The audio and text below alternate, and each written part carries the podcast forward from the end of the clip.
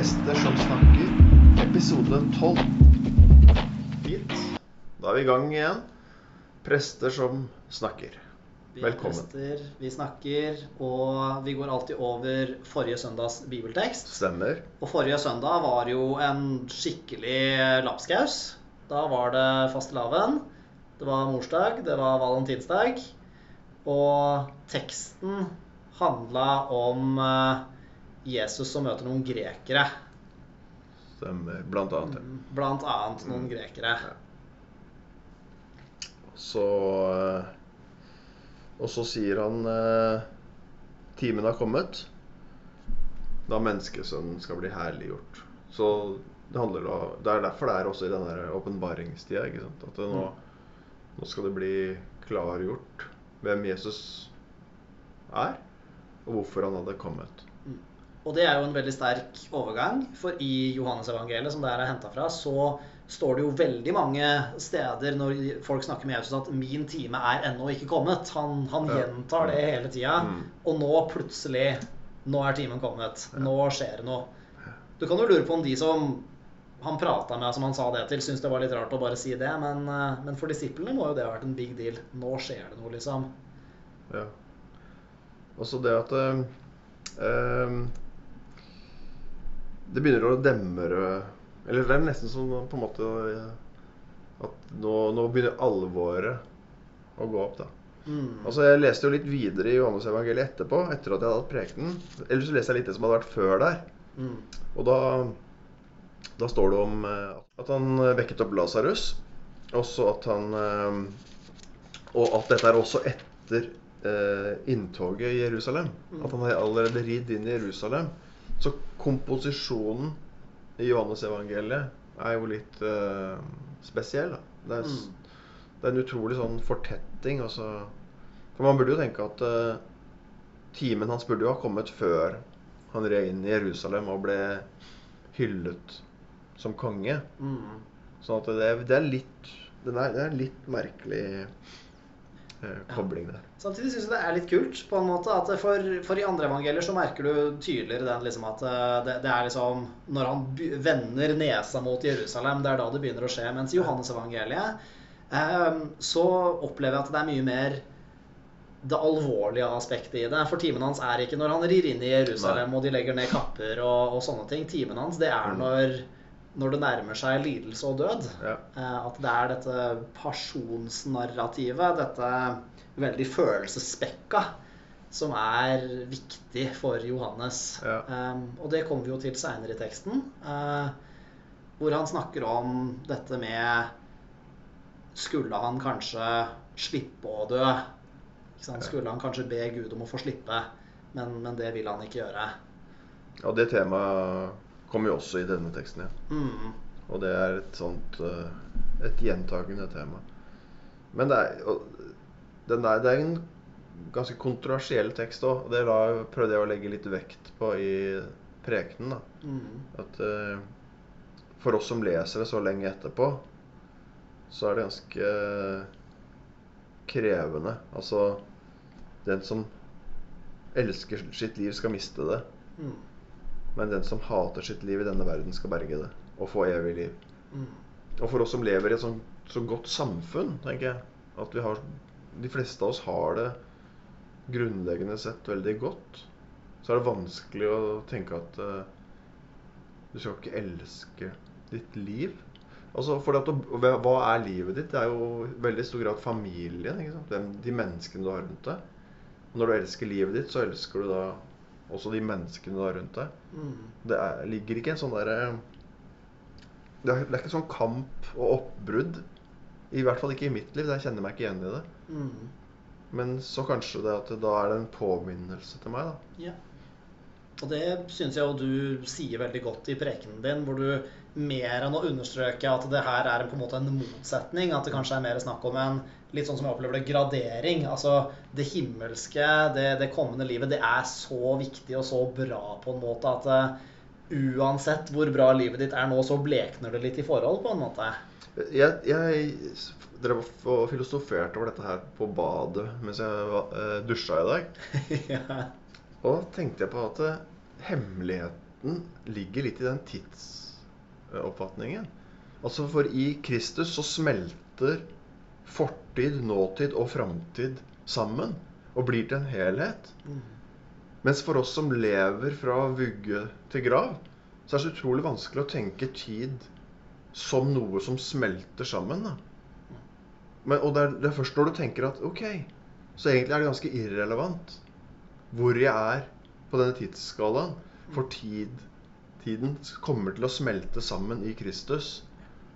Og derfor så, så blir alt det som vi regner som kjempeviktig og hyperrelevant nå, Mm. det på en måte vil antagelig Når man trekker seg tilbake og ser på det i et, i et sånt evighetsperspektiv, så vil det bli mindre viktig. Det som er viktig, er hvem du er, og hva Gud har lagt ned i deg, Mm. og hvem du er i Kristus. Fordi alle disse horisontene smelter sammen til én. Og det er klart det er utrolig vanskelig å uttrykke det inn i et, eh, inn i et sånt jordisk perspektiv som alltid vil være festa i tid og rom. ikke sant? Mm. Og selvfølgelig, altså Jesus sier jo det her inn i en spesifikk kontekst, ikke sant? Til, til arbeidere og, og man kan jo naturlig anta at de som altså elsket sitt liv slik det var den gangen, det var jo kanskje de som ikke jobba, eller som var rike, eller som av andre grunner på en måte levde litt i, i et sånt overskuddsliv, da. Ja. Eh, og at kanskje det skulle ligge en liten sånn advarsel mot det også. Altså ikke tro at det gir deg noe i det kommende verden. Egentlig er det kanskje snarere tvert imot. ja. Og det finner vi jo litt i, i tekster også som f.eks. saligprisningen, ikke sant? hvor de som er fattige, de skal Mm. bli rike, og de som er sultne på rettferdighet, de skal bli mette. Altså, Jesus ønsker alltid å si noe om at de som mangler, eller de som ikke har, de skal få. ja. Og her hører vi jo også en invers, da, og de som har, de, de skal miste. Og er det en advarsel i det? Er det noe profetisk i det? Det er jo ikke helt godt å si. Nei. Og det er litt krevende å leve i en sånn globalisert virkelighet. Fordi at eh, Du kan si at det, vi har jo Det er jo mye nød i Norge også. Mm. Men vi lever jo i et godt samfunn som tar vare på oss. Men vi vet jo at det, sett i et større perspektiv, det er sett i sånn, sånn verdens eh, Hvis man tenker hele verden som en stor familie, så blir vi jo veldig rammet av denne kritikken her. Mm. At vi er oss selv nok. Og at de som elsker sitt liv i denne verden, de skal miste det. Er en alvorlig advarsel om liksom hvilken verdiskala man bruker på, på sitt eget liv. Ja, Eh, absolutt. Samtidig så tenker jeg det er viktig å, å minne seg selv om, som var en viktig påminner jeg fikk en gang, det at eh, Jesus levde jo, han òg. Mm. Og etter alt sannsynligvis Jesus lo, og Jesus snakka med folk, og Jesus Altså eh, Jeg tror ikke Jesus på en måte mente at det er ikke lov å ha det bra i livet i det hele tatt. Det, hvis vi setter. Jesus som målestokk, så Nei, nei, jeg, det er jeg absolutt enig i. Altså. Mm. Så jeg tenker jo ikke på det Jeg tenker ikke på den livsgleden og livstørsten. Men jeg tenker litt mer på det der med rettferdighetsperspektivet. Er det rettferdig at vi har det så godt? Ja, ikke sant? Mm, Så det er, det er noe man egentlig bør, bør eh, tenke litt på og ta litt inn over seg. Men ikke sånn Ikke henge med huet. Altså, den perioden har vi lagt bak oss.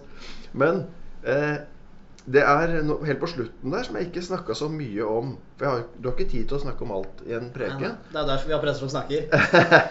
Når jeg blir løftet opp fra jorden, skal jeg dra alle til meg. Og det handler jo om at han blir løfta opp på korset. Mm. At, eh, for det er, ikke, det, er oppstand, det er ikke himmelfarten vi snakker om her. Det her snakker om at han blir løftet opp eh, fra jorden på korset. Å ja. Ja. Det ville ikke jeg tenkt umiddelbart. Nei, men eh, ut fra sammenhengen, Ja. hvis man ser i en Mhm. litt større sammenheng, så ser du at det er det eh, For det samme bildet kommer igjen flere steder hos Johannes. Mm. Han blir løftet opp fra jorden, og da ser man det korset som står der. Mm. Og da skal jeg dra alle til meg. Og eh, da tenker jeg at vi som kirke Vi må ikke slutte oss å peke på korset og Jesus på korset. For det er der han drar Det er, er der han på en måte blir vårt felles eh, fokuspunkt. da. At vi løfter vårt blikk, og så ser vi opp på korset. Og han der henger verdens frelser. Mm. Og ikke bare det, men når korset er tomt òg, så er det et symbol på Der, vi, eh, der ble døden overvunnet. Og det står jo også i teksten. For det står Nå felles dommen over denne verden. Nå skal denne verdens fyrste kastes ut. Altså ondskapen og døden får banesåret i, i eh, påskefortellingen. Og det er jo litt bra at vi kommer innom her, fordi det er jo noe jeg faktisk har hatt veldig lyst til å, å få tatt med i Prester som snakker en gang. Dette med dommen. Fordi dommen, når jeg hører det ordet, og jeg tror når mange hører det ordet, det er noe negativt nå. Ja. Ikke sant? Dom er kjipt. Eh, når dom skal felles over verden, så skal liksom folk straffes. Nå skal folk bli tatt. Men i den kristne forståelsen som regel så tenker man jo dom som noe positivt. Det er Gud som setter i stand. Det er Gud som fikser. Altså i på mange måter altså rettsdommens egentlige betydning. Det at noe skal rettes opp. At en ugjerning skal på en måte bli betalt eller fikses på. da. At det urettferdige skal bli rettferdig. Ja. Og med det perspektivet så kan vi jo tenke også her sant, at nå felles dommen over denne verden. Da betyr jo ikke det at nå er det mennesker som skal bli tatt, Nei. men nå er det mennesker som skal frelses. Ja, som skal bli frikjent, ja. Mm. ja. Mm. Men dommen, selvfølgelig har dommen et alvorspreg. Absolutt. For det handler jo om, det handler jo om at det settes en sluttstrek for noe. Mm. Men det er jo veldig Når Jesus sier 'nå felles dommen over denne verden', Mm. så er jo den fell... dommen er jo da felt over døden og ondskapens krefter. Yes. Og i den store da evighetsfordelingen så har allerede eh, vi blitt blitt eh, frelst og satt fri. Mm. Så det gjelder da liksom å kunne ta det inn over seg. Ja. Og, og jeg tenker det gjelder jo også i den fremtidige dommen. ikke sant? Altså Skal Jesus, som sitter ved Gud den allmektige Faders høyre hånd, skal derfra komme igjen for å dømme levende og døde, som Mm. vi sier i trosbekjennelsen. Altså at Ja. vi, vi venter på Guds rettferdige dom. Ja. Eh, Men jeg vet jo at Guds rettferdige dom over meg, som jeg er i meg selv, da har jeg, har jeg ikke så mye å stille opp med. mm, For at jeg, jeg, jeg er jo skyldig overfor budene. Det er ikke sånn at jeg har holdt Guds bud, eller at jeg har levd et hellig og rent liv. Mm. Sånn eh, 100 liksom. Ikke 90 heller, men, Mm. men altså men, Så jeg, jeg klamrer meg jo da til at jeg skal bli frikjent i dommen pga. det Jesus har gjort for meg. Nettopp. Ja, Jesus, er derfor jeg kaller, sier at han er min frelser. Mm. For, fordi han fri, jeg skal bli frikjent i dommen. Mm. Og, og der kom jo også det spørsmålet som jeg husker til og med du, du sa, og, og kom, det kom skriftlig i prekenen du holdt. Tror du på menneskesønnen? Ja. Og det blir jo til syvende og sist litt det det handler om. ikke sant? Altså Stoler du på at den nåden er nok til at du faktisk går fri i dommen? Og, og jeg tenker jo det. Og, og jeg syns Martin Luther bruker et veldig fint bilde på det, for han snakker om det at vi blir kledd i nåde. Altså at eh, det er, akkurat som vi får ei, ei jakke med nåde som vi får lov å ha på oss. Og, og med den jakka på så, så har vi alt vi trenger. Da måles vi ikke på hvor, eh, hvor ofte vi holdt budene, eller hvor godt vi holdt budene, eller hvor kranglete vi var i møte med budene, men rett og slett eh, har vi tatt del i den universelle frelsen som Jesus kom med. da. Så da, da er det ikke full metal jacket, men det er eh, full salvation jacket. Ja, rett og slett. Og, og, og da istedenfor uh, Tror du på menneskesønnen? Så er spørsmålet Vil du ha på jakka? Mm, Og da er jo Og da tenker jeg ja. Og da er spørsmålet Yes. Jeg, eller mitt svar, da. Jeg tar på jakka. Mm, rett og slett. Og selvfølgelig altså, oppmuntre hverandre til å ta del i det. Og, og til syvende og sist så tror jo jeg at uh, som kristne så er jo den beste måten vi kan man si, reklamere for vårt varemerke på, er jo rett og slett ved å være gode. Vise at uh, dette her har på en måte landa i oss på en måte at det preger livet våre. da. Ja. ja Altså, ja, ok, vi skal være gode. Men jeg tenker jo også være vanlige. Altså ikke at vi får en sånn utvendig eh, hellig glans, Mm. men at vi bare anerkjenner at eh, vi er mennesker. Vi står på lik linje overfor Gud. Og det betyr at eh, dette her er åpent for alle. Det står jo her. Eh, da, skal han, da, da skal han dra alle til seg. Da skal jeg dra alle til meg. Mm. Det er ikke noe unntak her. Det er Vi er på en måte alle Guds barn. Mm.